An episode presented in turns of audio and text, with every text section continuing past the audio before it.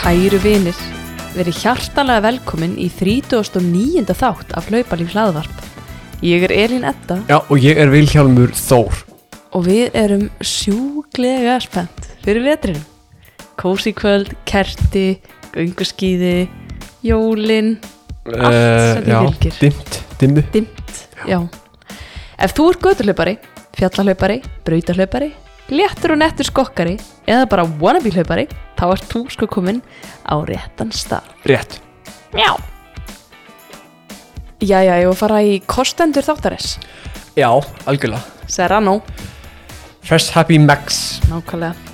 Heyrðu, ég var að frétta að það væri uh, hérna, bílaðúa Já, alveg rétt. Á bílsæðanum? Já, Ég bara, því við erum aldrei á þessu svæði þá hafði mér ekki dottið til hugar að þetta er klálega eitthvað sem við förum að gera þegar við erum að fara á gunguskíði og erum að leiðinni aftur í bæinn. Já, einmitt, þetta myndi henda mjög vel sko Því að hérna, sagður þetta væri? Bílsæðan Bílsöð, akkurat sko. Já. Og það hendar mjög vel þegar maður nennir ekki inn. Já. Ég er þetta fyrir mikið í því sko Ég nenni ekki mikið inn sko. Ná, þú sendið mér alltaf inn. Já, í allar verslan nei, já. Já, það er alltaf þannig. Já, ég er að hitta, bí, hitta bílinn Þú keirir, Já, þú leggur. Já, já Þú ert reyndir ekkert svo góður að leggja. Mm, Nei, Nei, ég er miklu betra að baka stæði en þú. Þetta er rétt. En já, þetta er alveg briljant kostur. Já, já, mælum þessu og ég, bara sé- ég sé fyrir mér í veturinn mitt. Komið heim á gönguskíðanum, Já. bláföllum seint, þreyttur, svangur, Já, sveitur, já. kaldur. Opna lúuna, nennir ekki lappinn Lappin þreyttar. Já. Og bara einn hérna Burrito barbecue. Já, þú getur með sér Stóran pantaðan sko, þú takk. ert í bláfjöllum Já, í gegnum appið, fara svo í lúuna náði hann, beint heim upp í sofa já, algjörlega Algjör snilt og mæli með vegan options náttúrulega, það er nógu búið þannig Já, já, falafel er er mitt uppáhalds Fellafell En að fleiri kostundum þáttarins þá er þátturinn einnig í bóði vestlunarina sportvörur. Þetta er e, vestlun sem er betur þekkt sem dótabúð íþróttamannsins. En í ljósi kólnandi veðurs þá langar mig að benda á Ignition línuna frá 2007. Hún er algjör snilt. Það má finna ábyrjandi liti svona fyrir myrkrið og, og alliða hlaupafatnað sem að heldur hita í miklu frosti. Ég mæli með að fá sér peysu og eyrnaband í stíl. Ertu ekki saman á því? Jú, Það er sjúklega kúl. Og svo er þau líka með ýmsa fylgilhuti fyrir veturinn, svo sem ljós, endurskismerki og brotta.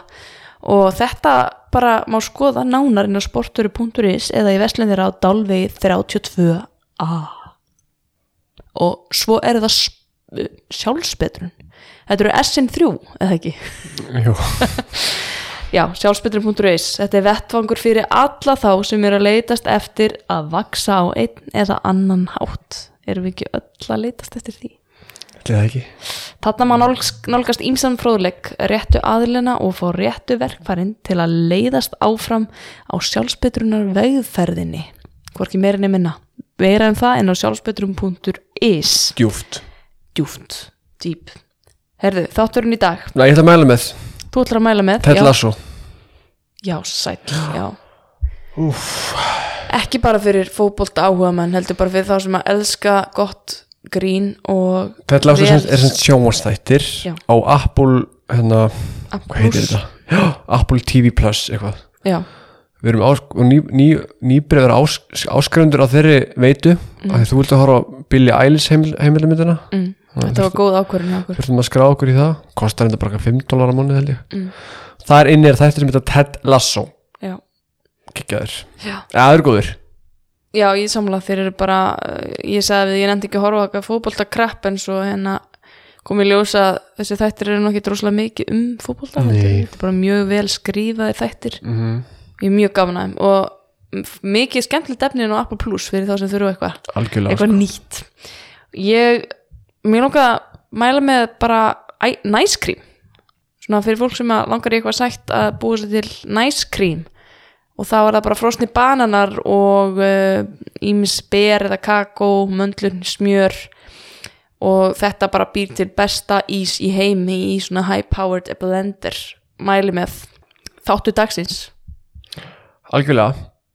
Fengur til eitthvað Arnar Pétursson já, sem ætla að tala, tala um hérna um Hann- uppbyggingu hleypatímilsins sem við erum svolítið svona upptíkin af. Við, já, okkur langar svo að leggja áherslu á þetta fyrir hlustundur okkar. Já, að þetta sé svona hluti af svona rútínunni einhvern veginn að fara í gegnum tímabil að þetta sé ekki alltaf bara eins. Einmitt. Það er líka núna er svona september, oktober, november þetta er svona ákveðin vegamót sko, fólk er að klára yfir eitt svona keppnistíðanbilið með einhverjum marathoni eða einhverjum keppnislaupum sko. Og hvað á maður að gera þá? já, það, kemur bara ljósið vitalinu Já, að, þetta er svona þetta er fróðleikur sem að byggir mér mikið á hans hlaupa bók og skynnsamlega uppbygging svona æfinga tíðanbilsins mm, Arnar er fasta gestur hjá okkur og ef ekki bara kynna hann til leiks, Arnar Pétursson gjör svo vel Jæja Arnar, enn og aftur uh, þú ert fasta gestur hjá okkur. Já, við vorum að spá í bara að gera þig að svona að svona vin svona, reglum ráðgjá já, svona hlaupa, ráð, uh, hlaupalíf hlaðvarp ráðgjafa. Það Var er ekki- því líkur heiður. var ekki bara áskam hann Dr. Love í gamla þetta hann að Mono 87 þú getur verið Dr. Dr. Runner Já, það væri gaman sko. Eitthvað þannig. Það væri mjög gaman. En bara frábært að fá þig og hérna bara takk fyrir að koma Alltaf gaman. Og þannig að ég sé þið sko, þú erum svo mikið hár núna. Já. Alveg, Ég, ég veit ekki hvað hérna, hvað ég er að fara með þessu hári sko. Já, Ég var, ég tók tímanbila sem ég var með hára neyra á herðar sko og í hlaupunum það er Já, eitthvað alveg. besta sem ég veit um að vera með blöytt hár og láta það svona sveiflastir út að hlaupa sko. Já, akkurat. Um, Er það eins og verið með hálsmenn í marathoni eins og maður sá hérna í Tókíó og nokkur ég, með ég skil það reyndar ekki, ég prófaði það eitthvað, ég sá það ég svona eitthvað, já ok prófaði að hlaupa með hálsminni, ég bara þetta er ekki hægt sko, þetta er gjörsamlega galið. Alltaf slá í undirhuguna einhvern veginn sko. ég skil þetta í ekki, tvo tíma sko. Sko. skil þetta ekki. Já, ég var okkur að taka einhver gær með þetta hálsminn hérna og ég var ógeðslega pyrruð já, Já. þetta var bara svona alltaf í andlitin á mér sko. Ég skil þetta ekki sko. En þetta er eitthvað svona trúalegt eða í eitthvað svona öllum tilvíkum þá er það eitthvað svona þetta tengist einhverju trú og Já, er það málið? já, þannig að það sem ég sé með er að 90 og með pro- 90 og prosent með allir Eða svona good luck eitthvað. Þeir eru að tala um þetta sko hvað það merki fyrir það sko. Þannig að en það var alltaf að finna fyrir það að snerta þig og kringum ég er með hérna I have everything I need. Okay. og það slengjast slengist framann í mig. Þú ert allt sem þú þarft. Þú fart ekkert meira. Upp í nefið að þér. Já, en bara, ef ekki bara byrja á að svona, fara aðeins yfir svona, hvað er frétta og uh, hvað hva ert að gera núna til dæmis já, það er ég er náttúrulega núna eh, í dag þegar við erum að taka þetta hérna, viðtal þá er ég í kvíldatíðabili og ég er búin að vera í kvíld núna í rúmar tvær vikur, þú veist, venlega ég tekið svona 10 til 14 daga mm. og núna bara veginn var ég ekki búin að taka kvíld síðan í oktober á síðast ára svona alvöru, alvöru kvíldatíðabil Mm. og þannig ég ákvað bara þetta núna og er að taka hérna bara þriðju vikuna í kvíld sko Mm. og þannig að þetta er já, þetta er bara eitthvað sem að þurfti held ég alveg miklu meira að halda en ég kannski aðeins byrja að finna fyrir svona undir lokinu, svona já, það er alveg komin tíma að taka kvíld sko en núna fann ég bara, já, það var heldur betur komin tíma sko, þegar maður fann það bara bæði svona andlega og líkamlega sko Mm. og eins og ég segi þá hérna í kvildina sem maður vill fá úturinni hlutaði er til þess að fá svona fyrringin aftur að svona fá svona spennuna og vera svona bara vákveði til í að fara að æfa núna bara með stöðu um hætti í þú veist 5-6 þú veist 7 mánuði án þess að taka alveg kvildatíðabil bara þorsta. Já, og þú, þú átt, átt í rauninni að býða eftir nú, hann var ekkert í rauninni komið þú veist um síðust helgi, þá var ég svona æ, ég ætti venjulega að byrja á mánudeginum eitthvað, þess að bara æ, tek bara aðra viku og býð þá að sé bara alveg þannig að þú veist að þú sért svona eins og kýtnar að koma út sko Á vorin. á vorin. Þannig að þannig á það að vera sko. hverju hefur að tapa? Já, þetta er svona kannski aflegging af COVID að þú ert búin að vera að æfa stöðugt að það er alltaf eitthvað svona nánast í markmið sem að verður ekkit úr eða Já, það líka sko að ég ákvað svolítið bara hérna um, að ég vissi að ég myndi vera á Íslandi meira og minna, þú veist þegar ég byrjaði að æfa aftur í oktober í fyrra að, að þá var ég með svolítið svona mér langaði bæði að vinna meiri hraðanum þú veist, þess, ég, þú veist kefti á Reykjavík International Games í 800 metrum og þú veist bætti mér 800 metrum innan hús og, og langaði líka þú veist að stefna á að taka þátt og reyna að vinna sem mest af Íslandsmeistartillum mm. þannig að ég var með fókusinn fyrir hlutan á tíðanbílun svolítið í hraðanum og svo svona tók ég ekki kvíld en ég svona breytti sér aðeins um fókus og fóð svona aðeins í lengra svona setna yfir sumarið og ætlaði þá að klára í Reykjavík marathonu hérna marathon, það var Íslandsmóti í marathoni. Mm.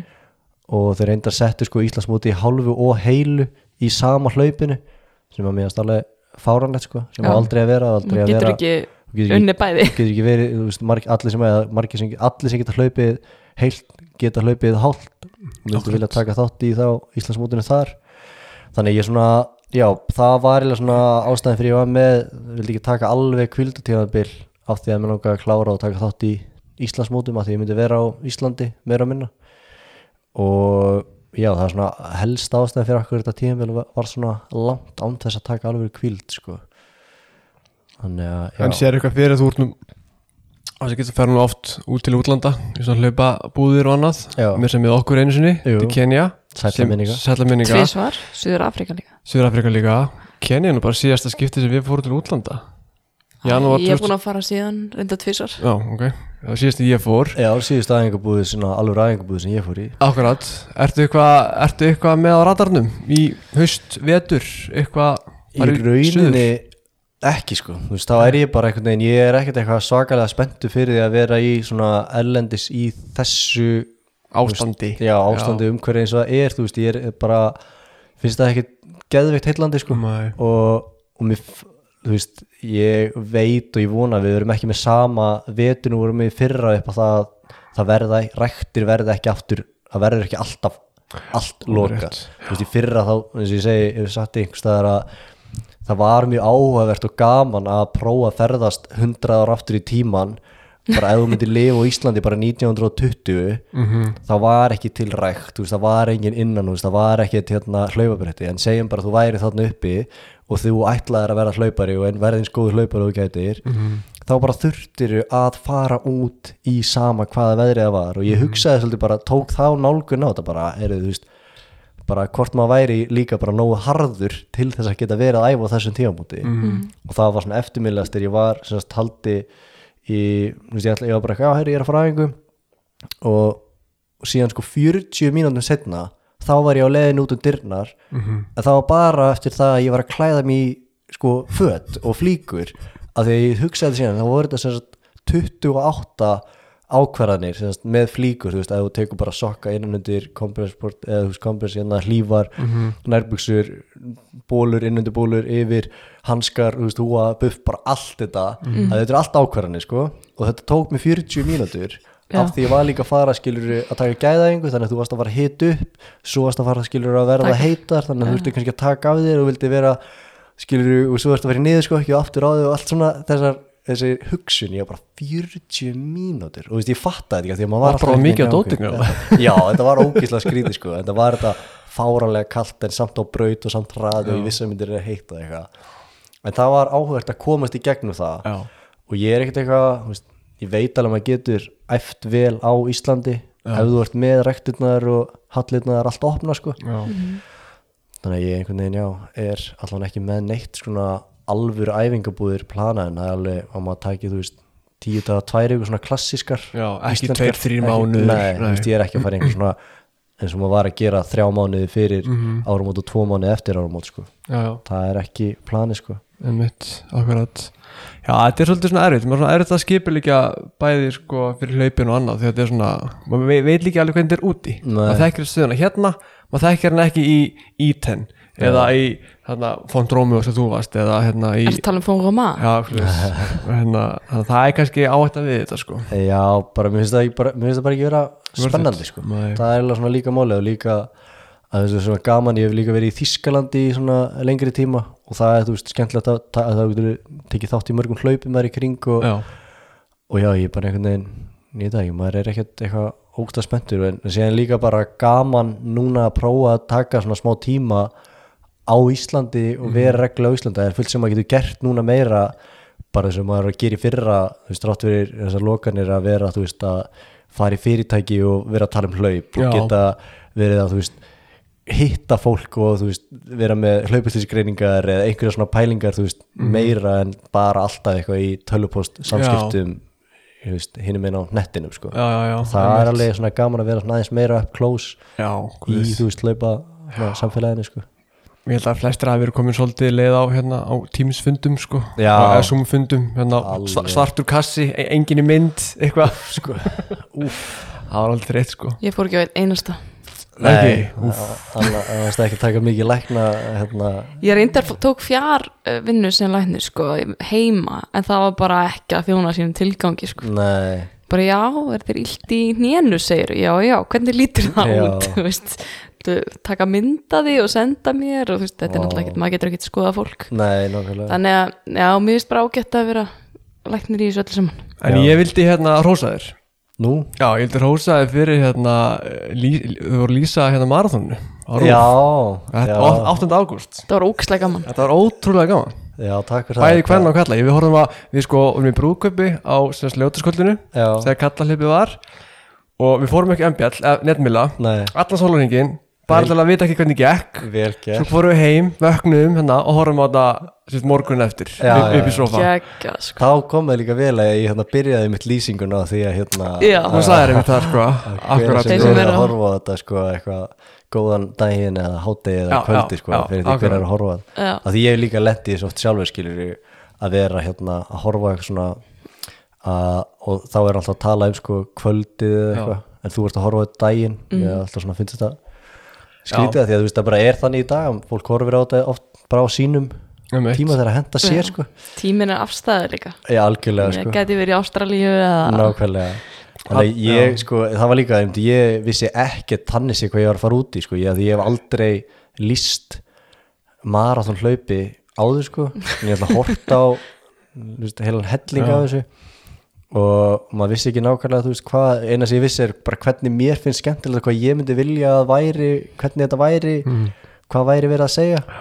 Og síðan einmitt fekk ég hérna Snorra Bjöst til að vera með mér að, að hann er líka svona bara veit ókslega mikið og er líka þvílíkt náttúrulega góður bara að finna góða spurningar eða góða vinkla og, og ég vissi líka hann einmitt myndi sko hérna Researcha. kynna sér alls konar svona einhverja litla hluti um þú veist borgin eða bæn Mér bæina þetta besta lísti í sko þegar fólk var spenntir því að keppi í Tókíó í sko 2020 Já, en vera í hvað Sapporo. Sapporo. 2021 já, því líka alveg vonbriði í einhverjum sko brjáliðum hitta raka, hvað sem þetta var. Já, þetta var náttúrulega alveg fáraleg sko, en þetta var alveg bara, en síðan það sem er svo skemmtilegt við þetta og líka einmitt, þú veist, maður kemst bara eins og við hlaupin, þú veist, það er bara uppátt tilfinningi mín, ég vissi nefnilega að það væri að fara að gerast, ef þú kemst bara í eitthvað flæði, þú veist, bara útsettingin byrjar og svo bara ferðin í eitthvað svona bara mm. göng, bara Og zone. já, og svo allt í henni bara eftir komin út og það er bara þremur kluktími setna Já. og þú bara, hvað gerðist eiginlega? en það er bara það sem að gerist þegar maður horfir á marathonlaup fólk Já. er alltaf bara horf, að horfa á marathonlaup í alvörunni Já. í alvörunni er þetta þetta er gaman meira sem fyrir þá sem ekki hafa áhuga á Já. hlaupum sko. þetta er bara einhvern veginn Þetta er eins og bara svo Sigurbjörn átni með frjálstar hann Já. getur gert spjótkast Akkurat, spennandi, akkurat. hann er bara góður að lýsa Akkurat. þetta er bara alveg eins og þið gerðu þetta þið gerðu þetta bara skemmtilegt og, Já, og fræðandi sko. mjög gaman einmitt að maður hefur heyrt þetta alveg frá fáralega mörgum áttum og svona Já. ólíklegust áttum bara, herri, ég horfði bara á allt marathonli, bara ekki bjóst ég við því, ég, nokkuð tíman að ég myndi á löðaskvöldi Já. vera hérna að horfa á marathon í, og ekki sko líta á síman einu sinni eða eitthvað, bara vera bara inni bara wow, með popp og- og það sem ég veist alltaf best er þetta með, með drikkjastöðanara því að þetta er alveg svona ástriði mál hjá mig sko og, hérna fólk var að já, fólk var bara, ég, ég var bara að býða alltaf eftir hverja næsta drikkjastuð kemur bara hvað myndi gerast, tekur hann einn eða tvo Mhm. Já. sopa eitthvað. Eitthvað sem er ógíslega ómerkilegt. En við eitthvað, að það sendi eitthvað mert okkur að þú veist, já ég horfði ekkert á þetta. Þú veist, maður vissi ekki nákvæmlega allt sem maður hefði sagt sko, að maður er bara einhverju Já. að það var eitt sem að e, mert okkur í það sem að kemur, held ég, Kipchoge eða eitthvað á drikkjastuð og ég eitthvað að segja þarna hann tekur bara einn sopa. Já, einmitt, og svo kemur allt inn í snorri já, mér síndist þetta nú reyndar vera gullari bara, og hvað? Bara þess að breyktur þetta, þetta, þetta er reyndar gullari held ég þetta er það gullari, góð þetta er sopi. Bara svona eins og eitthvað svakalegt hefði verið að gera sko. þannig að þetta var en já, bara mjög gaman sko. Talandi um að ólíklegt að fólk hafa verið að horfa á þetta ég, sko, Hæ Hæ sem er podcast þáttur, Já. Hjammi og, og Helgi Já. Hann var að tala um þetta, sko, Hjálmar Já, sem er ekkit, engin hlaupari, Nei, sko nákvæmlega. göngu, göngukall, eða bara ekki neitt, sko. Ég held að það sé bara ekki já, hann fór Hann að er segja já, sófakall, hann fór að segja hvað hún hafði lýs, lýsandinn, eh, þið tveir hafi verið góður að lýsa þessu, sko. Já, og sér hvað þetta breytt bíl sem já, á nákvæmlega sko. þetta var náttúrulega, af því að sérstaklega mitt kallarhlaupi var náttúrulega bara á rúf 1 já, var það bara, já, Kvennarhlaupi var á rúf 2 já, rúf 1 og, alveg, og á, þú veist, prime time þannig bara eitthvað á, á lögðarskvöldi ummitt en af hverju var kallarhlaupi bara rúf eitt? Nákvæmlega maður veldi því fyrir sér. Það er, er eiginlega fáralegt Það er bara alveg fárlegt sko. Já, var það svoleiðis? Já, Ég mér varst í fyrsta lagi bara mjög gaman að horfa á bæði. Mhm. þau voru bara mis veist, þau voru bara eins og ólík eins og, veist, þetta var bara, þau voru mjög ólík en samt bara bæði mjög spennandi og svona twist í þeim, bara Akkurat. báðum. Mjög. Best að vita á það sko, ég lærði svo mikið sko, Mm. þú veist að ég var að fara sjálfur í marathon hérna einhverjum kannski tveim vikum já, akkurat tveim vikum setna og þú veist að tala um gelintöku. Já, já, já, taka gelið hægt og rólega. Akkurat. Á öllum mínum löngutúrum hafði ég bara svona hendus í mig. Já, já, já, og ég hætti að gera það. Þannig á einni æfingu eftir þetta. Og fóð miklu á mér sko. Þannig að þetta var svona fróðleikur líka sem held ég fólk hafi verið að fá í bara beint í æð. Akkurat. Það er nefnilega mitt, þú veist, eins og með það. Að þú veist, Maður ég flas, flaskaði sjálfur. á þessu, þú veist, þegar maður var að byrja og prófa, þú veist, að því að, þú veist, þú horfður á hlaupin og horfður á hvað hlaupar þetta voru að gera. Og það var bara einhvern veginn eins og það var bara sá að því betri sem ert bara því sneggri sem þú ert að henda vassbrúsanum frá þér og eitthvað, eða, eða gelinu frá þér, var eitthvað ok, og þannig að maður var einhvern lengur og bara eitthvað reyfið þetta upp og bara og reynda að fá þetta og hendi ég bara, já, þetta voru bara fjóra sekundir bara eins og maður væri einhver formúlubíl að reyna að koma og vera sem snegstur af verkstæðinu, sko. akkurat. en sem hugsa hans betur um bara hvað er konseptina, veist, hvað eru að reyna að ná fram með þessu? Mm. -hmm. væntalega er það að ná inn orku í líkamann. Það er svona nummer eitt og þú vilt fá orkuna inn og hvaða máli skiptir það fyrir þótt að það komi skilur við 5 ka- eða, þú veist, 50 kaloríur á 5 sekundum eða þú veist 5 kaloríur á hverjum 10 sekundum að teku við þú veist mínúti eða tvær eða eitthvað að gera þetta skilur, já. skiptir engum máli akkurat og sérstaklega ekki út að rétt að halda á einhverjum 20-100 gramma brefi sko. Já. þetta 100 gramma brefi er ekki en þú verður að hlaupa með 2 lítra flösku þú veist þá kannski mm en þannig að já, svona, já ok, bara, bara hugsa gaman að sjá það um að gera þetta ekki svona. Já, og síðan sá maður líka, þú veist, einmitt þeirra voru þannig í Nike verkefninu skilur að tala um með einmitt að þú veist, þá var þetta líka bara, veist, þetta er og þetta þarf að fara inn. Já, og það var ekkert eitthvað svona það var aldrei sagt bara, þú er að koma sín eins snögt og mögulega getur og eitthvað. Já. það var eins meiri, já, pælingar í þessu sko. Þetta var frábært og hann að ég sá grein á runnersworld.com bara um daginn eða bara gær að það eru fullt af fleiri marathonum hérna að fara í gangnun í haust út í heimi já, þegar þetta viðtal verið byrt að verður Berlína marathonið vantilega búið það er á að vera sem sagt 27. september en það er London 3. oktober Chicago 10. oktober Boston 11. oktober Tokyo 17. oktober og New York 7. november og það er by the way sko Bekele skráður til leiks en ekki Berlín líka, já, ok, hann skráður í bæði og hérna hvað finnst þér um það? það er áhugavert. Ég, það er styrlað, ég veit ekki hvort hann er kemur hann ekki bara skráðu til öryggis og hann ætlar að hætta við eða- jú, já, þú veist, maður, maður veit aldrei með BGL því miður, sko, Nei. þú veist, hann er búin að eiga geðveik hlaup, en hann er líka búin að eiga hlaup sem að, þú veist, hann hættir í og bara var örgulega aldrei að fara að klára og þannig að, maður hefði vilja sjá hann og Kipchoge saman sko, í einhverju keppni sko. Já það en er, Kjotjóka er hann ekki búin að leggja skona á helluna jú, mér er það ég bara byrju, er það, er það klárt? já. hann var var hann ekki að tala um, þú veist, hérna ég held að svo var hann að tala eitthvað um að hann hefði áhuga á ultra hlaupum Já, það var nei, það. alvöru, já ok, ég sé hann ekki En uh, ég væri til í að sjá hans til dæmis hlaupa, þú veist, 100 kilometra á, þú veist, götu. Prófa það.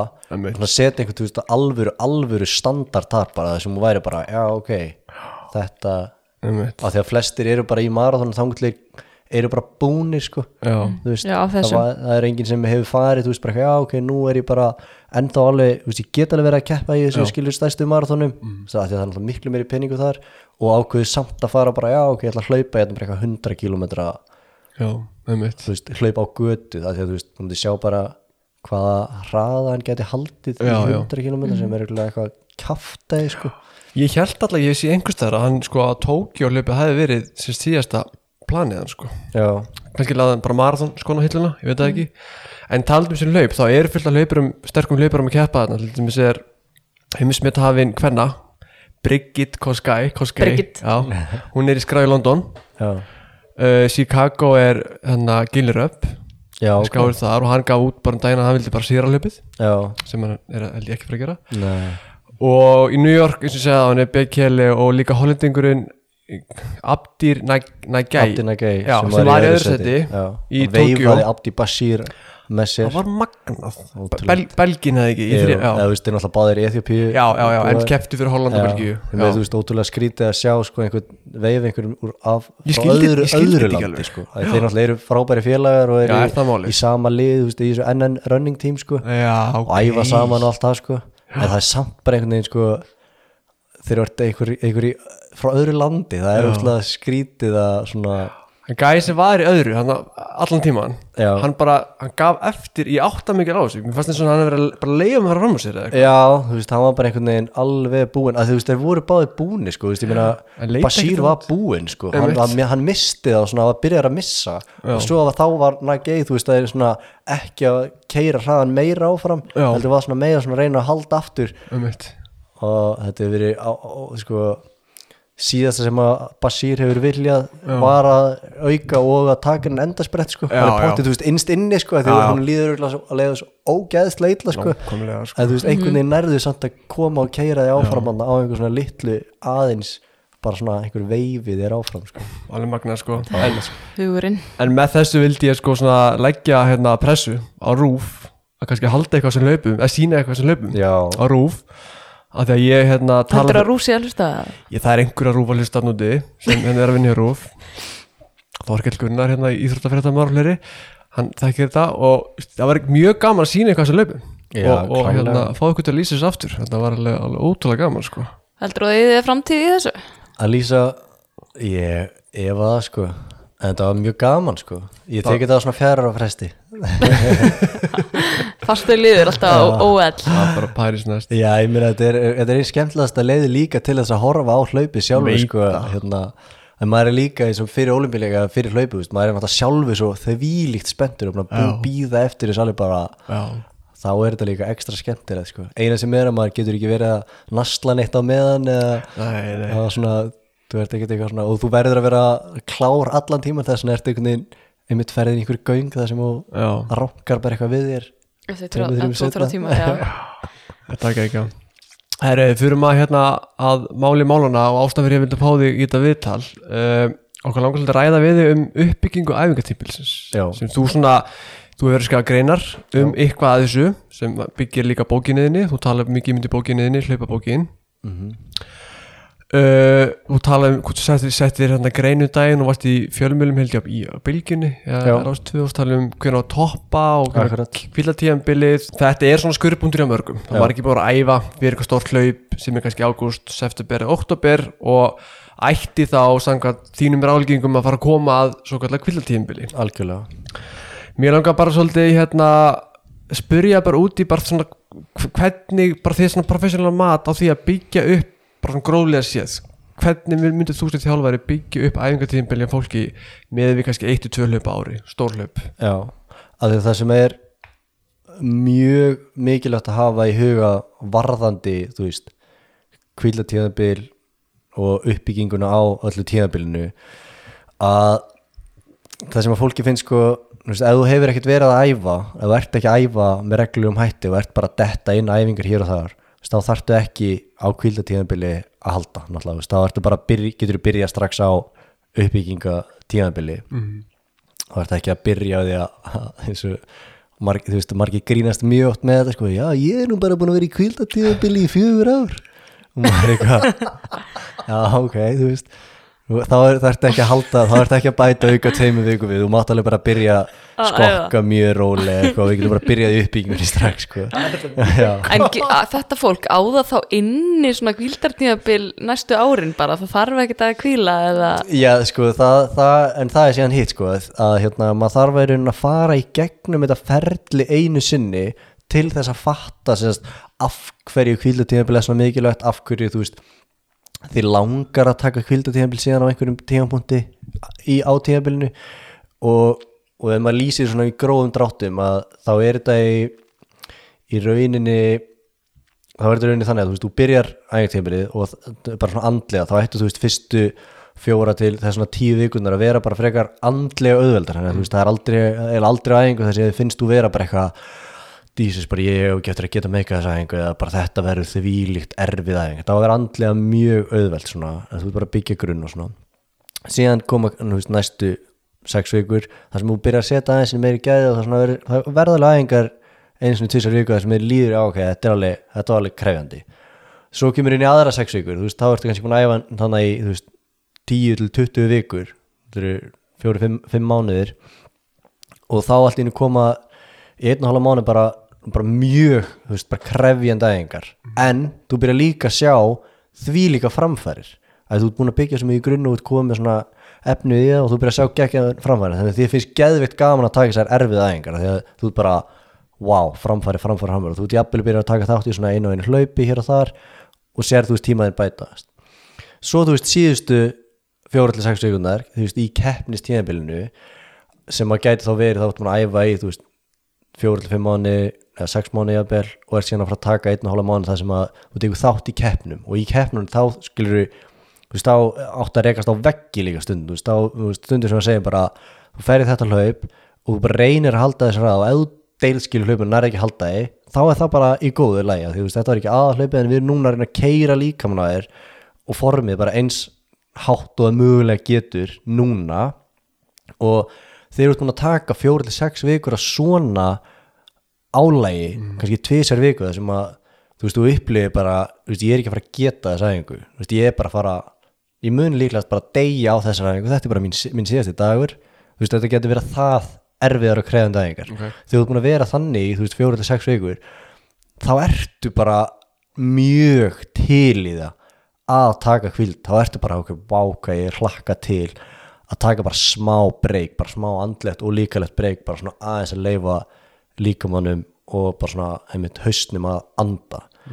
Og þá einmitt, þá fagnar skilur kvildtímbilinu en svo einmitt eins og núna veist, það, þannig var algjörlega tilfelli á mér núna veist, ég var búin að vera að taka mér ræðingar og vera að taka þátt í löpum og keira á það og allt svona. Og maður var alveg bara svona, uff, ég er búin að gera þetta í ansi langan tíma sko. En samt, þú veist, elska ég að hlaupa. Mm -hmm. þetta er geðvikt gaman sko. En það er líka alveg bara, er, þetta er alveg að ég myndi halda þessi bara endalist áfram þá myndi líka koma, koma punktur sem að annarkvæmt ég myndi byrja meðast eða ég væri bara, nei, þú veist, ég bara og fær bara upp í kók, sko. Og maður sér það alveg bara fólk sem fær upp í kók og hættir svo bara í hlaupum, bara hleypar aldrei aftur bara fyrir að gera eitthvað allt annað. Já. og þá í kvildinumlinu kemur þú veist út með ógisleiri, þá ertu bara eitthvað fyrstu vikun oft bara, vá hvað ég þú veist, feina ég tók kvild en svo gerist eiginlega alltaf að svona eftir, þú veist 7 til 10 daga, 14 daga, þú veist, þá ertu svona að byrja þér eitthvað að kemur ósænt, já, væri enda gaman að bæta tíman í þessu, eða kemur upp eitthvað, já, þetta hlaup er spennandi. Og þú byrjar aftur að fá svona svona þess að kýtli kýtli, kýtli maðan og, magann og já, og kýtli fingurna og að fara aftur að æfa. Og þá nefnilega þegar þú ætlar að fara aftur að æfa þá ætlar vera með tilfinninguna að þið langi til að æfa ískiluru fjóra til sex, sjö mánuði mm. samfleitt af því að þú veist það er það sem að býr til árangur ef þú nærða að æfa í margar vikur og margar mánuði samfleitt ekki það sem æfir já, ekki og æfir í fimm vikur og dettur svo úr æfingum í tíu daga. Eða æfir í aftur í þú veist þrjá vikur og dettur út í fimm daga. Þú veist þetta á að vera stöðuleiki yfir tíðanbilið og þú ætti að vilja halda þessum stöðuleika þannig að og það er úkslega þú veist, að byggja upp svona andlega orku í kvildatíðanbilinu eftir að þú varst búin að fara í svona erfitt Já. dæmi sko. Þannig að það er svona ferli sem fólk þarf að fara í gegnum og það finnst það er svona, en þegar það fyrir gegnum innan, innan feril í fyrsta skipti þá er það átt bara þvílíkt erfitt. Af því að þegar það byrjar þá er alltaf ræðingar svona léttar. Þau bara, býttu hvað, ég er ekki að gera neitt. Þetta er bara, þetta er ekkert er bara. Og þá er maður svona, býttu bara þú veist að koma læðingar þar sem að þú átt eftir að skilur virkilega þurfa að reyna þig.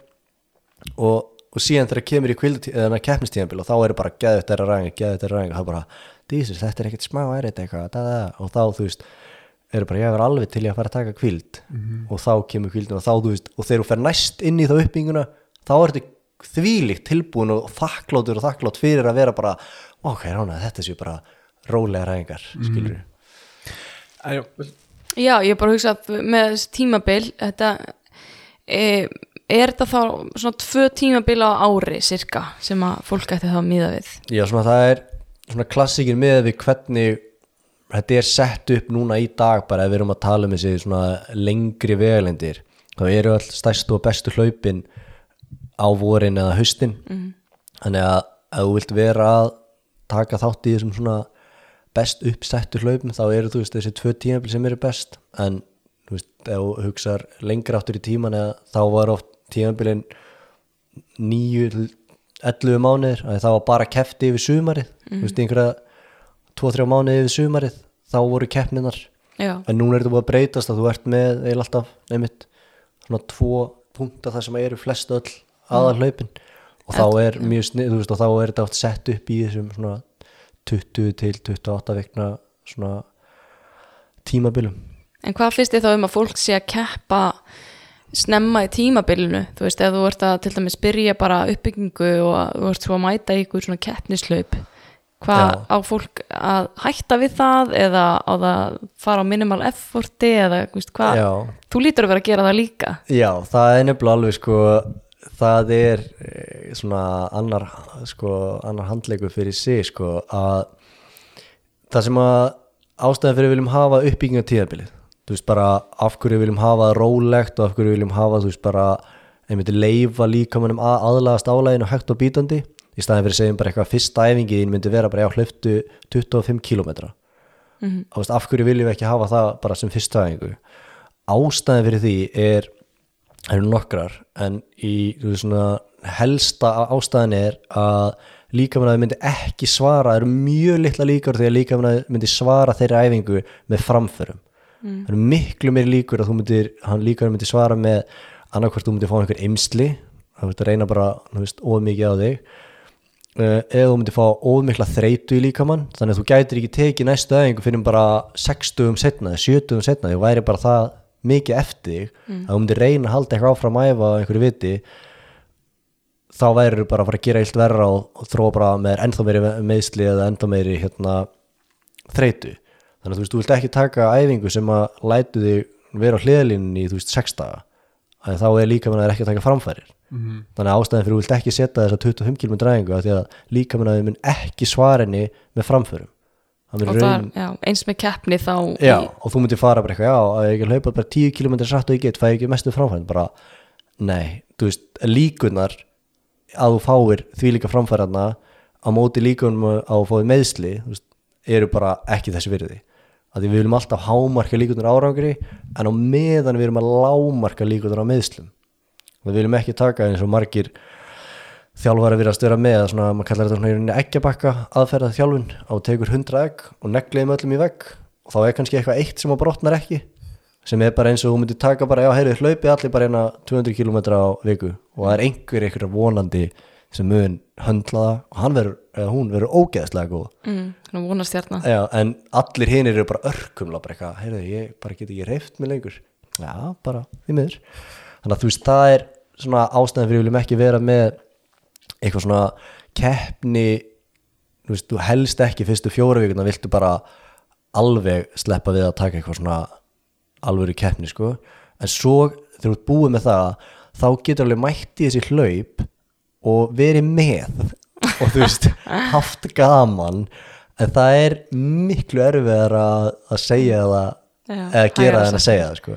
Það er líka sérstaklega erfitt hef ég tekið eftir þegar maður er ekki í sínu besta líkansformi sem Já. maður er á þessu tímambili þá er maður náttúrulega ekki að fara að hlaupa.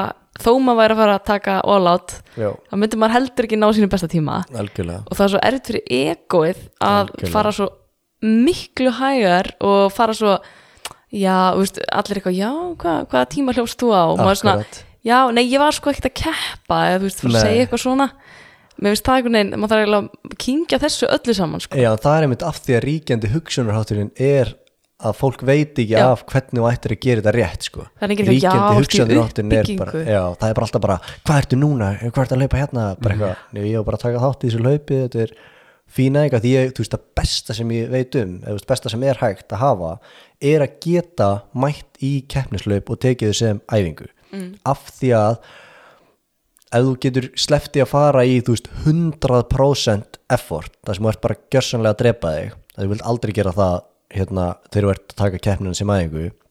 En þú veist það eru margar æfingar þar sem að þú veist ég, ma maður segir við einhverja manneski maður segja þenni já hlauptu hérna 10 km á 40 mínútum og þetta er kannski manneski sem getur hlaupið 10 km á þú veist 37 mínútum bara þægilega.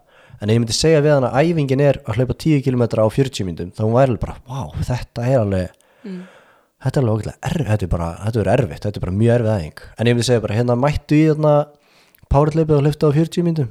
Og bara, ekkert mál. Af því þú væri einhvern veginn í keppninni skilur Já. og þá verður þetta andlega og þú veist, það er svo gott að þú getur tekið mætt í keppnina en þú ætla bara að taka á þessum hraða og það verður allt auðveldara. Mm. að þetta er náttúrulega eins og allir vita mjög andlegt sport.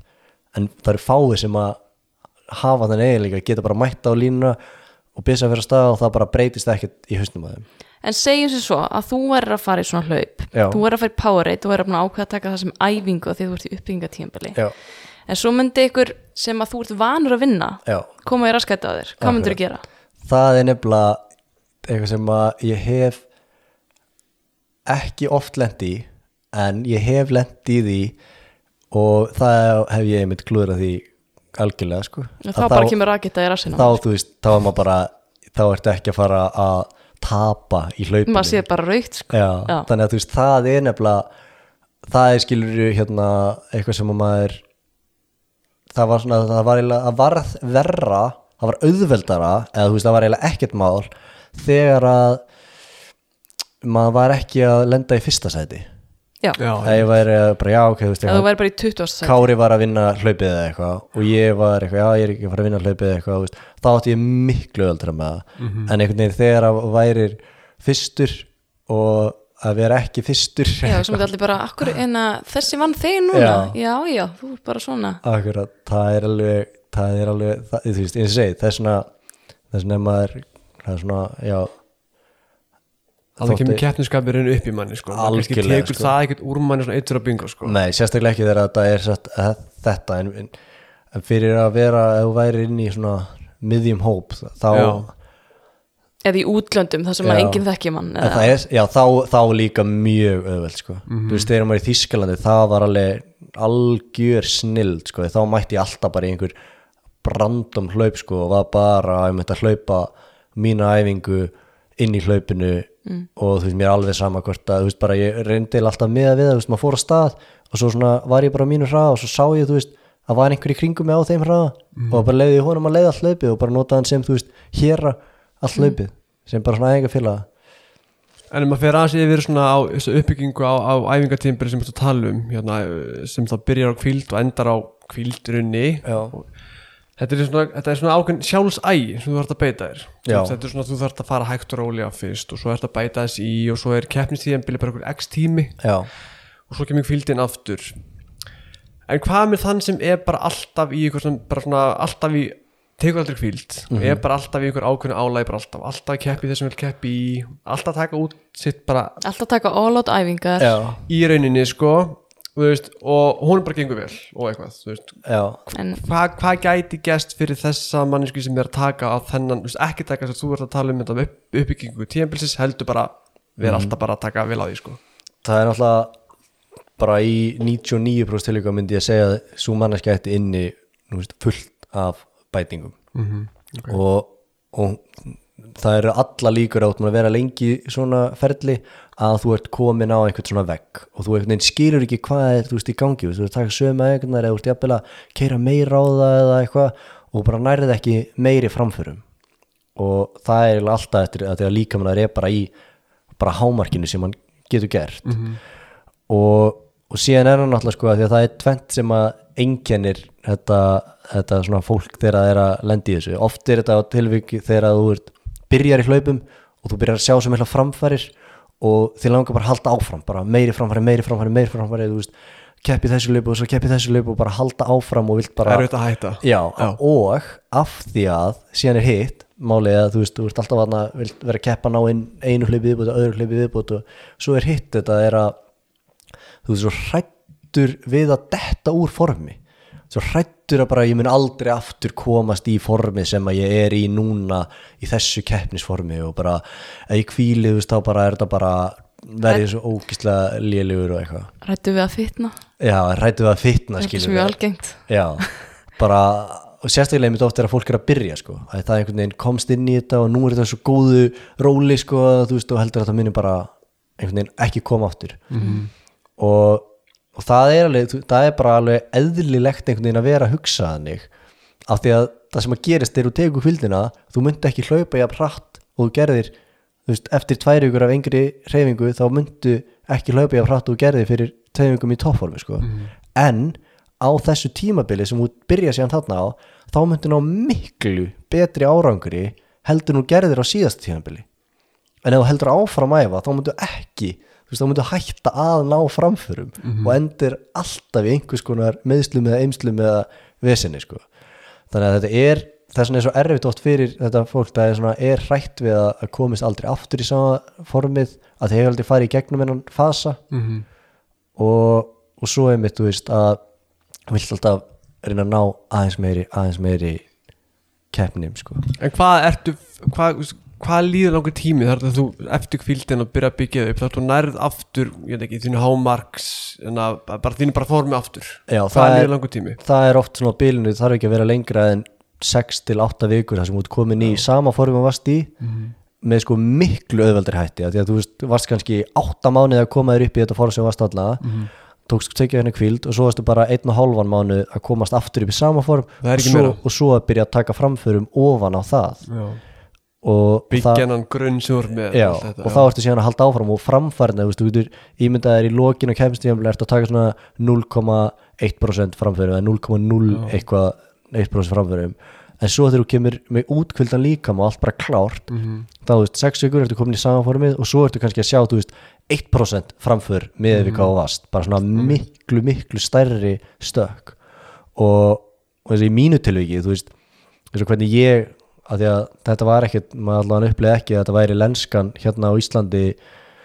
Þá var bæði einhvern veginn svona fannst manni um leið og byrjar að mæta æfingu að það var bara fyrsta æfingin var bara æfing, það var bara brekkarsprettir eða það var einhvers konar threshold eða tempo eða eitthvað erfið, þú byrjaði strax bara já, ok, vá, þetta er alveg bara erfiðar æfingar. En ég svona eftir að byrja að lesa meira og, og hlusta og ta- hlusta á viðtöl og, og skoða þetta bara sjálfur að þá er mitt sámaður byrju, hérna eru menna að tala um eitthvað, þú veist, bara rólegar vikur og bara rétt að koma sér inn í þetta eitthvað og ég er bara eitthvað kvilda tímli, já, ok. Þannig ég prófaði að taka bara svona bara blind bara sjálfur, basically. Tók bara alvöru kviltíðanbil og svo bara tók ég bara sjálfur þar sem ég bara tók uppbyggingu og var bara með nákvæða hvar maður ætlaði að toppa og fór í gegnum þetta smá í óvissu í fyrstir ég gerði þetta.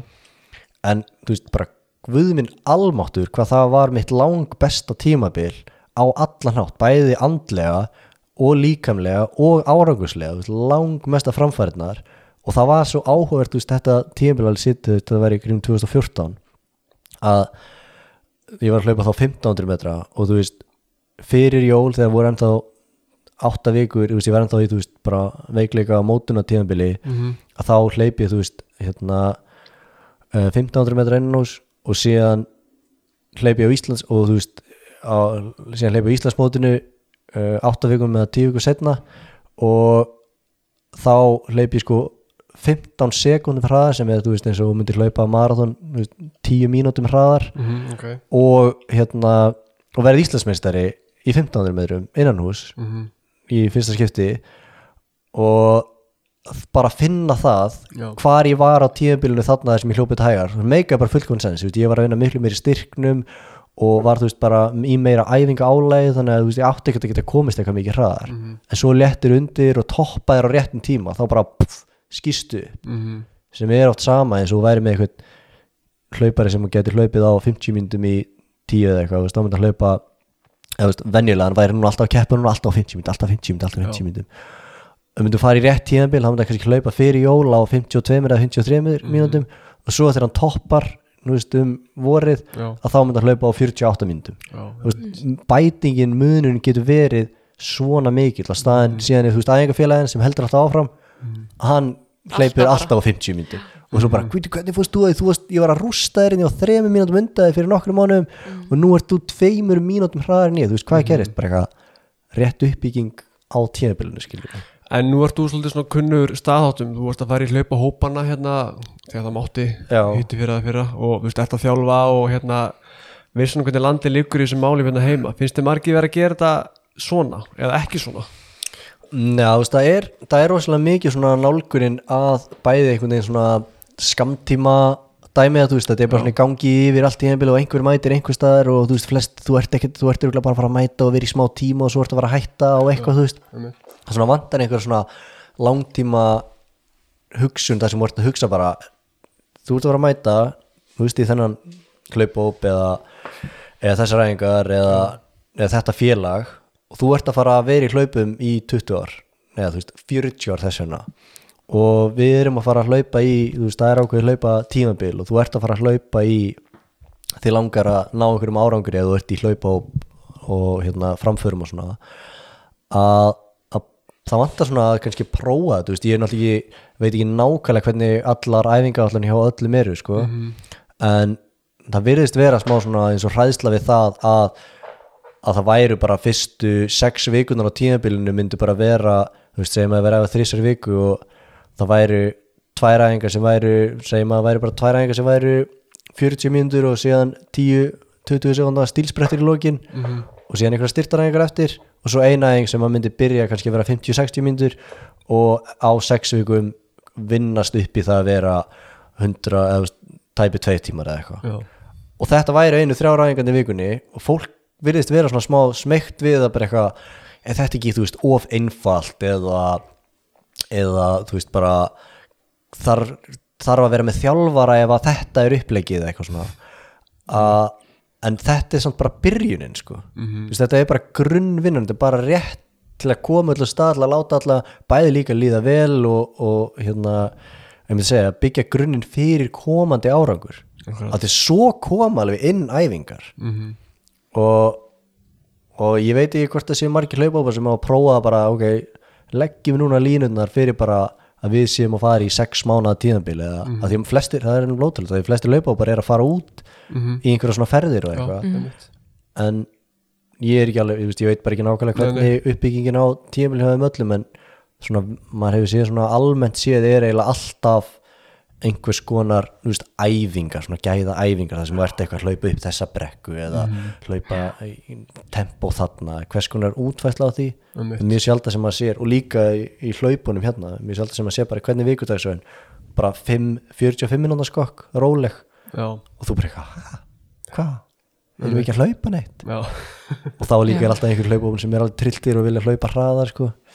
Rólegt, þá ertu bara með við svona eitt þú veist, bara Já, 120 í púls eða, já, bara undir, þú veist, 60% hámáspúls bara, og eins og ég segi spjall hraða, eins og við erum að taka Já. núna annað hlaðvarpið þar sem við erum á hlaupabrettum að spjalla. Þetta er náttúrulega, við erum svo miklu multitaskarar sko. já, úti að skokka og að taka podcast þetta, Já, er ég, ég ger alltaf að minnstakosti tvo hluti í einu. Já, Já.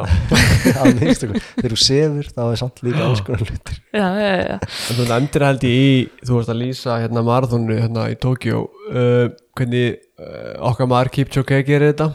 Hann er að fara eftir keppni síðan bil. Algjörlega, ég held ég hafi séð þetta á instastórin hans einhver tíman hann var í svona palltímu var það ekki heimildamyndin hans? Jú, þetta er líka YouTube myndbönd já þetta er YouTube frekar, ég hef ekki séð nýjustu myndin hans. Og hann var í hóptíma akkurat. Já, þetta er svona pallatíma Þetta er svo mikið snill, sko. Þetta er svo fyndið, sko. Ágústa Johnson, 84 og eitthvað. Líka þú veist pínu lítill salur en sem svona 30 manns þann inni Já, sko. bara bestu Já. hlaupar í bestu heimi. hlaupari í heimi allir í eitthvað Afríku ykkur starf ha, Já, og þetta er, hann, þetta er hans bara leið til að byggja, að byrja bara Já. koma líka mér í gang eftir kvildatíðanbilsið Hvað tekur hann langa kvild, veistu það? Er það 2-3-4 vikur? það eru tók 2-3 vikur cirka sem hann tekur alltaf Já, og einmitt sem er bara mjög klassist sem að flestir gera sko Já, hann er ekki fara að taka tíu sinni þúsund hérna Nei. á, fjóruðugunni eða eitthvað sko. Nei, Hann var bara, ekki gleymdu því skilur við Rólegt skokk og pallatímar Já, þú veist, En þetta sem eru lyftingar. bara, sem er, já, og einmitt, þú veist, palla tímanir hjá hann, þú veist, eru svona ákveðna styrtar æfingar, hann er með, þú veist, halda einhver lóðu með að lappa upp á pallinu, þú veist, er bara svona rétt að byrja að virkja alla vöðvana, mm veist, mikið að hliða saman hliðar, ég leit oft fólk gera, einmitt svona hliðaskref eða hliða saman hliðar og bakka upp brekkur til dæmis, sem er svona, já, svona æfingar sem að ég dyrka, ég, þetta er svona, ég óttast ekki árangur mm æfingarnar, Já. þegar fólk setur á byrju, hvað er það að tala um, ég bakki upp brekku eins og einhver hálfviti það er bara Óttastu á óttastu árangur. Í kópavóginum. já,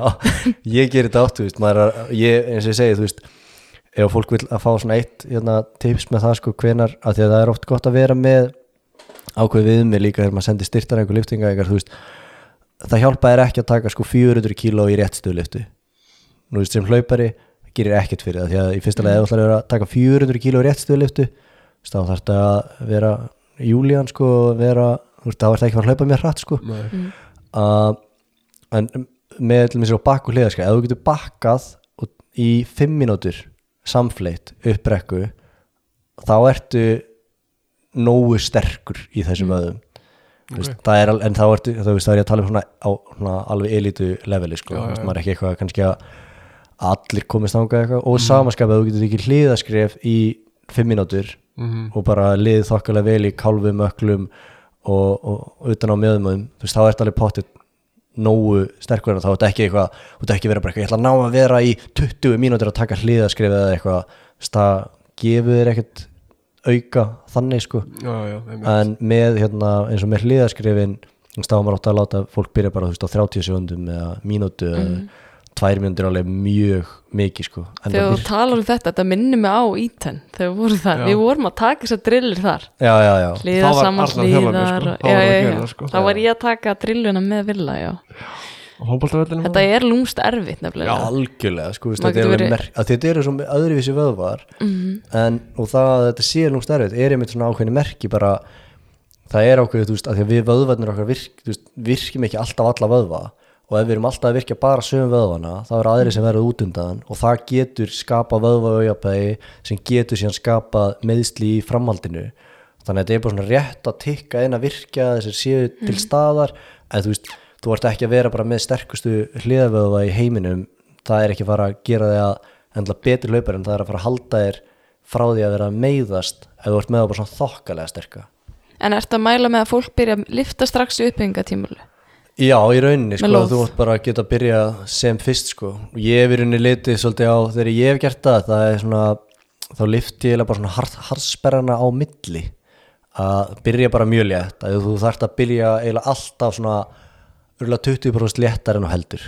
Að þú getur liftarið þingdunum, en svo myndu vera bara daginn eftir í rugglinu ef, ef þú, þú veist, hérna, gerðir aðeins svo mikið. Þannig að byrja bara mjög vekt sko. Mhm. þess að þú veist bara eina, tvær umferðir af öllum svona æfingum sem þú fer í gegnum og svo bara sérðu til daginn eftir bara hversu slæmur eða slæmur þú ert, þú veist bara hversu miklar harspyrðunir eru. Og svo bara býður í þangur til harspyrðunir eru eiginlega alveg farnar þá Já. getur þú tekið aftur. Þetta er svona frekar einföld leið í staðin fyrir að segja bara já ég lifti á þriðutum og föstum alltaf. En þú veist ef þú ert bara ennþá jafnaði á föstudeginum að þú varst að byrja býttu bara með það þú veist fram á sunnudag af því að það sem gerist alltaf er að átt ertu fyrst liftir og svo ertu kannski fimm daga að jafna þig og þú veist, þú ertu bara skokka á meðan á milli bara rólega. Og svo þú veist liftir aftur þá ertu síðan fjóra daga næst svo ertu síðan þrjá daga, svo ertu kannski aftur þrjá daga aftur þrjá daga, svo daga og þá er þú styrkurinn aftur að koma tilbaka þannig að það er, getur oft verið smá svona varhugavert að ákveða bara ég ætla að lifta alltaf á þriðdum og fyrstum eða eitthvað mm þá myndi stundum taka liftingaðinu þegar þú það væri og endilega já, sérstaklega á uppbyggingartíðanbili sko. að þú- ertu komin upp í ákveðin styrk Já, og þá ertu eiginlega alltaf bara cirka daga jafnaði eftir liftingar Já, já, já. setna á tíðanbilinu sko. en ert ekki að mingar ekki eitthvað álægið á þessu, á liftingar og styrtaræfingum þú kemur inn í þín tíðanbyrðið Jú, af því að síðan það sem þú vilt náttúrulega helst vera með er, þú veist, að þú vilt vita cirka svona þingdirna sem þú varst með undir svona þegar þú varst hvað sterkastur á síðasta tíðanbili Mhm. Og þegar þú kemst upp í þær og kannski aðeins meira Já. að þá ert, veist, þá þarft ekki að vera að bæta miklu meira ofan á það. Að þið síðan líður tíminn og þú ert aldrei þú veist, þá er kannski á 12 til 15 viku þú veist, þá ertu kannski í maxinu þínu.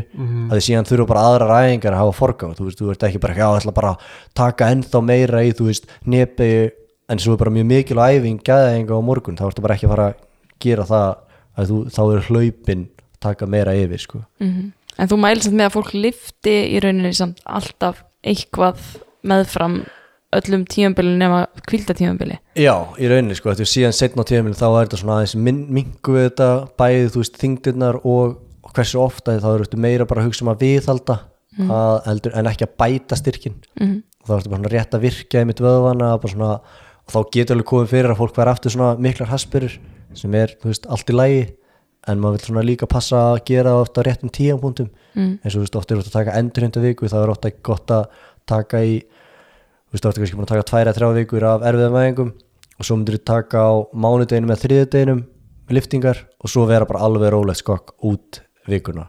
Þá myndir þú alveg kannski fá smá haspirir en þú ert á að taka svona endurhundu viku og bara rólegt á milli og þá svona það er mjög góð tímapunktur að gera það. Mm Hérna, eitt með kvildatímabili um, er kvildatímabil því það engin hreyfing. Já, svo það sé á hreinu fyrir alla. Já, nákvæmlega, það er nefnilega það var líka og þetta er, þetta er nefnilega mjög sko góða gild spurning af því að þeir sem eru í hlaupum og eru í hérna, það er oft svona hreyfi óðir einstaklingar sko, bara Já, já. vilja alltaf hreyfa sig að gera eitthvað. Og þá sá maður ótrúlega bara einhver, sagði, já ég er í kvild ok, hvað, ég er bara að synda á hjóla. Bara eitthvað, ha ég er bara að syndi fjóru sinum og, og hjóla þrísar viku, bara ert það sjö æfingar er þú ert í kvild mm. og það, veist, það náttúrulega gengur ekki upp og meikir ekkert sensa og maður hugsa sem bara, já, það er náttúrulega ekki kvilda, það er náttúrulega líkamann að vera þá ennþá að fá bóð um það að eitthvað sé að gerast, Mm. en þú vilt gefa líkamann bara alveg kvild frá bara öllu og hann á ekki að vera einhvern veginn tilbúin í neitt aksjón, hann á bara, já, ok, það er ekkert að gerast Mm. Og, og ef maður myndi fara í svona hérna um, já þannig að ég ætla að svara spurningi þá er sérst nei, alls engin kvíld og, eða, þú veist, e- engin hreyfing sérst í kvíldinni en eins og ég segi fyrir svona það sem er alveg hreyfi óðir að þú veist þá eru hægt að vera alls konar endurheimta ræðingar eins og getur verið á nuttrúlunni eða mikið vöðvana eina, það er alveg fínt eða fara í jóka, svona rólegt jóka eða fara í heitan og kaldan eða eitthvað svona, eitthvað svona endurheimtar æfingar er mjög gott sko Mhm. en það sem er líka sem gerist nefnilega í kvildinni sem að hérna hafa sínda með, sínt með rannsóknum að sérst með vöðva frumunnar í líkamannum okkur, hvernig svona tegundir af eða vöðva þráðum að sérst hjá fólki sem er svona kyrsetu fólk þau eru með hæst hlutvall á það sem að kalla svona hybrid vöðvaþræðir að þeir eru með minnst hlutvall af alveg svona sérst spesifik löngum vöðvaþræðum og minnst hlutvall af þessum svona alveg springkraft vöðvaþræðum þannig að þeir eru með mest af hybrid vöðvaþræðum sem geta þá þróa með sér annarkvort eiginleika í að verða svona úthalds eða þróa með sér eiginleika að verða sprengikrafts. Á meðan ef þú tekur svona vöðvarsýni frá marathonlaupurum þú veist þá getur verið þú veist 80% af vöðvaþráðunum hans sem eru svona úthalds eiginleikar og akkurat döfut ef þú myndir taka með einhvern sem væri 100 meter hlaupari þá er hann kannski með 80% af vöðvaþráðunum sem væri með eiginleika sprengikrafts að hann er bara búin að þróa það með þjálfun og þú veist gefur endalist af bóðum í það. Þannig að þegar við tökum svona kvild þá líka svona fá vöðvaþræðir aðeins svona breyk og þá eru líka möguleika að segja aftur að þróa það meira þá í áttina að úthaldinu eða spenningkraftinu eða hverju sem er sko. Einmitt. þannig að það er mjög gott sko að þeir eru að fá fólk sem er búið að vera í lengi í kvild að þá er það með mjög mikið af vöðvaþráðum sem getur verið að, að þróa í ákveðin átt sko. Já, þannig að þú getur ákveðið í byrjun tímabilsins bara já, algjörlega hva, hver örlög viðváþráðan að verða. Sko. já, algjörlega þetta sko. tímabilið. Já, en þannig að það er alveg mjög mikilvægt að taka þess að alveg kvild að leifa hausnum og öllu bara líkamannum að, að þú veist anda bara gera eitthvað með allt annað sko En svona fólk sem er bara alltaf í einhverju svona þjálfun, góðu grunnformi en er ekkert að stefna á neitt. Þá, getur það ekki bara haldið áfram að æfa þú veist í rauninni sko þá er ekkert, þá er ekkert sem að, að að þá ert aldrei að fara að þegar við tölum um sko kvildina og af hverju þurfum að fá kvild að því að við, ef við erum að tala um að við vilt ná einhverjum árangri og bæta þig og halda áfram að bæta þig að, að þá tekur það alveg erfiðar æfingar og krefjandi æfingar til þess að ná fram þessum framförum. Og þá þarftu í raunin að fá kvild frá því staðin fyrir að vera alltaf bara keira, keira, keira en ef þú ert bara að þú veist, ætlar bara að stunda eða ætlar bara að lifa heilsusamlegu lífi þú veist, þá myndi ég bara segja þú veist, reynda að fara í 30-40 minna göngutúr bara á hverjum degi. Þess vegna og taktu einu sinni til tvisar í viku þú veist, leta styrtaræðinga fyrir svona sem stærstan hluta af líkamna þá eru bara vöðvarnir að þeir nokkuð virkir hjartaðir er að slá nokkuð vel og þú veist, þú ert eftir að vera bara tildulega heilsamlegur hvað þetta var á síðan alltaf matar eða skilur um, þannig að það- fyrir þá sem eru ekki í því að ætla eitthvað að ná einhverjum sakulegum framförum þá þarftu ekki í rauninni að- taka eitthvað sérstakt kvildatíðanbíl þannig sko Þannig að sko markmið alltaf er alltaf við erum að byggja okkur upp og það er að enda okkur keppnistíðanbili sem er, þú tala um án sex vikur eða ekki, eitthvað svo Jú, leiðis svona fjórar, eða þú veist, þú getur verið með tvær upp í, þú veist, max myndum að segja átta vikur, þú veist, þá ert alveg Já. orðin svolítið að spenna búin Þannig ertu raunin bara að toppa þig. Bara hámarka bara hvað þú er búin að byggja upp undanfarin einhverjar, veit ekki, 16, 20, 24 vikur. En hversu, segjum þú keppir í marathoni Já, segjum að þú bara gangi bara, bara vel Mhm. og þú telur eigi bara miklu, miklu meiri orku inni ert ekki þetta þreyttur. Já. Þú veist, myndir er alveg fólki að, eða myndir heimilega bara, bara hlaupa aftur að keppa aftur? Eftir það, það, það fer allt eftir sko hvað markmið er. Þú veist, fyrsta lagi, þú veist, ef þetta er segjum að þetta sé einhver sem að bara var búin að leggja húsið sitt undir að þyrfti fyrir árið loka ást 2021 að ná undir þrjá tíma í marathoni og hann hljóp marathon á 3.01 og það bara gerðist eitthvað svona fekk í magan eða eitthvað svona og er bara þvílíkt bara peppaður og gýraður að fara í næsta hlaup. Þú veist, þá er það alveg klálega hægt og það er alveg klálega hægt að gera það með eins réttum hætti og mögulegt er. Mhm.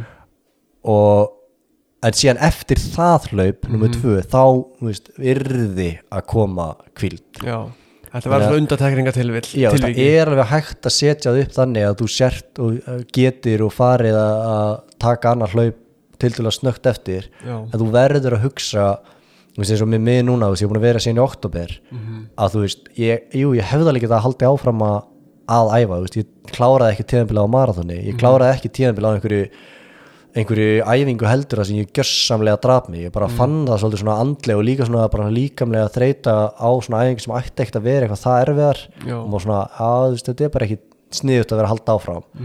Er að þú mátt ekki halda áfram og svo halda áfram. Og þá er bara komið eitt, eitt og hálft ár Já, já. síðan þú ert bara ekki búin að taka neina kvild en samt búin að taka þátt í bara mjög erfiðum hlaupum eða áskorunum eða eitthvað þannig sko að ég ímynda mér að þú er búin að keppa ykkur hlaupi og þið hefur bara gengið vel. Já. og kannski finnst það að þú tókst ekki allt út úr þér eða bara þú í geðu ykkur feeling Mhm. þú vilt nota þannig kraft. Algjörlega, hei, nú vil ég kannski bæta mig í tíu algjörlega. eða hálfu, eða fimm, eða whatever sko. Mhm. þannig ég held að maður ekki hugsi alveg svona. Bara, oh my god, það er, það er, það er hlaupi næstu ykkur, já, ég tek bara þátt í því. Já, og það, það sem að þetta er í rauninni að gera, maður er svona líkt þessu við sko að hérna að þú ert að búa til, til píramíta og ert að búa til eins- fullkúin píramíta hætti er. Þannig að þú veist, byggja grunni rétt og svo rétt og þetta, þetta, þetta og svo kemstu upp á píramítan og, og þú horfir bara þvílíkt útsinni sem er svona representað formið þitt. Og þú hleypur marathon, segjum það bara á bara þvílíkt flottum tíma. Og þú eitthvað ákveðið mitt, bara ég ætla að hlaupa í bara 5 km og svo hleypur 5 km og geði þetta eitthvað og bætið líka þar og svo bara ég ætla að hlaupa í 10 og bætið það líka. Og svo í hál, hálfu og, og bætið það líka en eina sem gerði sko, píramidin var alveg svo sami nákvæmlega sami, eina sem varst fyrst horfður í sko norður, svo varst þú í vestur og svo söður og svo austur. En þú varst alltaf á sama píramidinu þessi píramidin er ekki að fara að hækka þarna, eina leiðin fyrir að, að láta píramidin hækka og vera flottur í leiðinni er að þá þarft að lappa niður og taka aftur og byggja grunninn og svo taka aftur ring eftir ring eftir ring, þá getur þú komin aftur upp á toppin þá verður útsinnið þitt ennþá betra. Og þá getur litið í aðra áttir. Þannig að fólk heldur átt svona falstýrun að já, ég er að koma í betra form að það er að bæta sig í, þú veist, mismöndi greinum á kefnisímlega en það er rauninni bara á sama píramítanum að horfa í mismöndi áttir sko. þannig að það er ótt gott en að maður hérna, minna sig á þetta sko, þú veist, Já. þú ert ekkert endilega að því að þú myndir sér halda alltaf áfram veist, þá bara mun píramidin skilur grotna niður og þú einhvern tíman hrinja sko. Ég meint, ég ímyndum mér að þetta er tilfinning sem margir fá sko, eftir Já. gott hlaup að Algjörlega, nýta þetta sko. og halda áfram sko algjörlega en, sko, en það sem við gerst núna undanfæri missir er náttúrulega að fólk hefur verið að æfa fyrir eitthvað hlaup og það byrjar kvíld og uppbygging og það vill enda á einhverju eitthvað markmið Já. í apríl, mæ, september, oktober og svo er hlaupið ekki haldið nákvæmlega það er hræðileg tilfinning sko. Já, ég meina í þetta ger Já, já, þetta gerst bara um daginn það voru margir að einblindum þess að Reykjavík marathonið algjörlega. Hvað er maður að gera þá? Er maður að fara út að negla á það? já, Er maður að fara hérna bara taka kvíld? Bara hætta? akkurat, það er nefnilega og það er ótrúlega einstaklegsmynd bara svona hvað ertu búin að vera að gera? Hvað er markmið, þú veist hvernig er formið, hvernig tilfinning? Þú veist, hver, hver er getan til að einmitt taka sér frí eða fara út sko og hjá þeim sem að veist, bara allt er búið að ganga vel upp og veist, bara hún að eiga venjulegt 5-6 mánuða tíðanbil að veist, ég mæli veist, sjaldn, að fara og hlaupa bara sjálfur eða sjálf uh, heilt marathon á götu bara af því að það er aldrei sem hún nærð öllu út þér sjálfur. En það sem að mér hefur finnst koma og hefur komið rosalega vel út bæði hjá sjálfur mér og öðrum er til að enda á í marathoni að það, er í marathonundubúningi enda á 30 km túr þar sem þú reynir að fara eins rætt og getur. Að því að hraðin sem hún kemst eiginlega í þessum 30 km túr er eiginlega nánast undhengilegust sá hraði sem þú átt eftir að geta haldið í heilt marathon næstur og ferð í æfinga Já. tíðanbil Okay. þótt að það sé alveg þú veist, 12 km lengra. En það er bara andlega einhvern veginn veist, andlega nærður náttúrulega ekki heldur öll út í þessum 30 km túr. En þú ert einhvern veginn á þessari línu sem átt eftir að geta síðan haldið út næst og líka því að fæstir hafa hlaupið 30 km hlaup og þetta er náttúrulega stittur í marathon lengin hálft, að þá þegar þú klárar hálftmarathonið, þú veist þá hvert skref yfir það mun alltaf vera hraðasti 22 km sem voru hlaupið, hraðasti 23 hraðasti 24 og þú veist þú mynd ná bætingu í 30 km hlaupi Einmitt. þannig að þú veist þú endar tíðanbilið á jákvæðinni skemmtilegu mómenti og bætingu og svona einhvern veginn að því maður vill einhvern veginn í staðin fyrir að þú myndir hlaupa bara marathon sjálfur að það eru alla líkur að þú náir ekki jafngóðum árangur að þú telur þig geta. Mhm. að það bara veist, gerist þér aldrei þú veist það er að vera það er bara já það er ótrúlegt sko að ná því. Og þá ertu einhvern veginn enda á svona ah, náði ekki alveg tímanum eða þetta var ógislega erfitt eða þetta var lumulegt eða Þetta er svona spurningi sem ég vona ég þurfa aldrei bara að spyrja aftur þú veist, út á COVID sko. Já. sé bara búið sko. Akkurat. ég held að þetta væri svona, við vorum komin fyrir hotn núna. Án grín sko. Hérna í sumar á landinu en því mjög það er ekki svo leis já, en við, Arna, við máttum nú ekki hafa á lengi hjá okkur, þú vorst að fara í mati 6, Já. ég skil þetta mjög vel. Já. það er nummer 1, 2 og 3 Já. þú, þú, þú, sko, þú skefur ekki á tímanum Nei, í mat hjá nei, það það er regla sem hérna Það er eitt sem að vilja búin að kenna mér. Það er að ég mæti ekki fimm myndum og seint Nei. í mati tengd en það flutti líka, sko, móðum ég býr sko 300 metra frá mér, hún er hérna heilum við já, sko.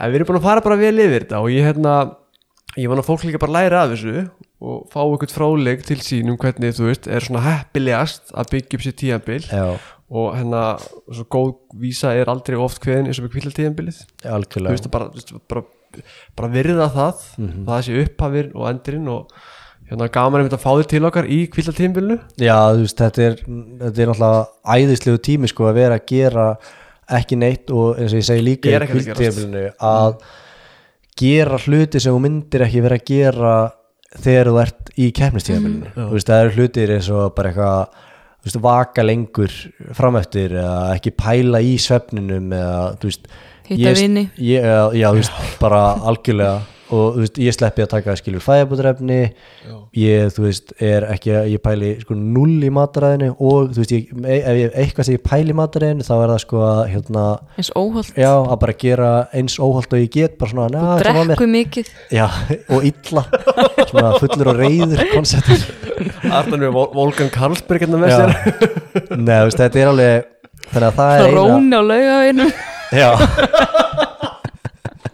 Nei, þetta, hann er í hvílda hann er í kvíld. Já, er þannig að þú veist að vera því að þá, þú- þá færði líka náttúrulega að búa til þess að svona svona líka svona ákveðna spennu í bara eitthvað vá hvað ég er til í að bara komast í góða rútínu bara sofa vel og skilur borða vel og bara líða betur í líkana því þú finnir alveg svona ákveðin tíma þetta bara, úf, mér líður ekki. Og þá líka kanntu að meta svo fáránlega mikið. Þú Að byrjar að hreyfa þig. æfa og þú veit eitthvað ok, vá hvað ég langt að vera í forminu sem ég var í. Og svo eftir nokkra vikur þá allt í nú bara sér því líka framfæri, því líka framfæri bara, gerir, vá hvað þetta er gaman. Já, að þú verður að upplifa svo mikla framfærir þú gerir þetta basically þannig að þú fær svona ógeð sjálfu þér. Eiginlega, sko, í rauninni sko, bara maður er Ógeð að því að borða hambúrgara já, og maður bara, ég gerir þetta ekki hálft árið viðbót, sko. og þá er þetta ótrúlega, auðveld, sko, af því þú vilt ekki gera þetta til langtíma, ekki bara eitthvað að taka tvö orði hlaupum og svo hætta. Maður getur ekki alltaf verið með hér aga sko, nei, nei, maður þarf- þarf kvíld frá því eins og bara öðru sko. Maður þarf að sleppa beislinu stundum.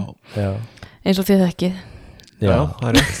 Okay. já, en Villi er náttúrulega líka Já, sko, og hann, ég tók akkur eftir því að hann kláraði tvær vikunar og hann ákvað bara að lengja. Já. og hann ætlar að taka sér fjögura ára já, kvillatíðanbili núna Eins og vindur okkur í byrjun. Hann ætlar að hlaupa marathon bara, bara svona, 26 næstur ára. ári færtur Komu fjögur að ára kvílda tímili það er, ég veit ekki hvað ég heyrst þetta oft, sko, eitthvað. Ég er búin að vera í kvíld í fjögur, eh? Já, það er svo góður. Heru, takk aðeinslega fyrir að koma og Alltaf gaman að fá þig, alltaf hefur að fá alltaf þig. gaman að koma. Og fólk bara- sem að vil dýpri fróðuleik uh, kafa hún í details, það er náttúrulega kíkir á hlaupabókina. Já, ég mæli með henni, hún er frábær. Já, takk fyrir það, ég er bara það er mjög gaman að heyra þegar fólk er búið að kafa eins og niður þetta því að ég myndi skrifa þessa bók náttúrulega bara að því að, ja, hún er það Hún annars, hann að því að hérna að því að það er eitthvað sem ég fannst svona að vanta á íslensku Já, og náttúrulega tók mig fáránlega langan tíma að sanga þessu öllu að mér og Já. þú veist, það var þetta að spara fólki tíman í að Já. gera það sjálft sko. á líka svona nýttnir púntar í bókinu sko Já. Vísa Kipchoge I'm gonna have a great marathon já, já, já, Það var margt skondið hana Já. sko Alla, takk fyrir að koma og bara gangið vel þar til næst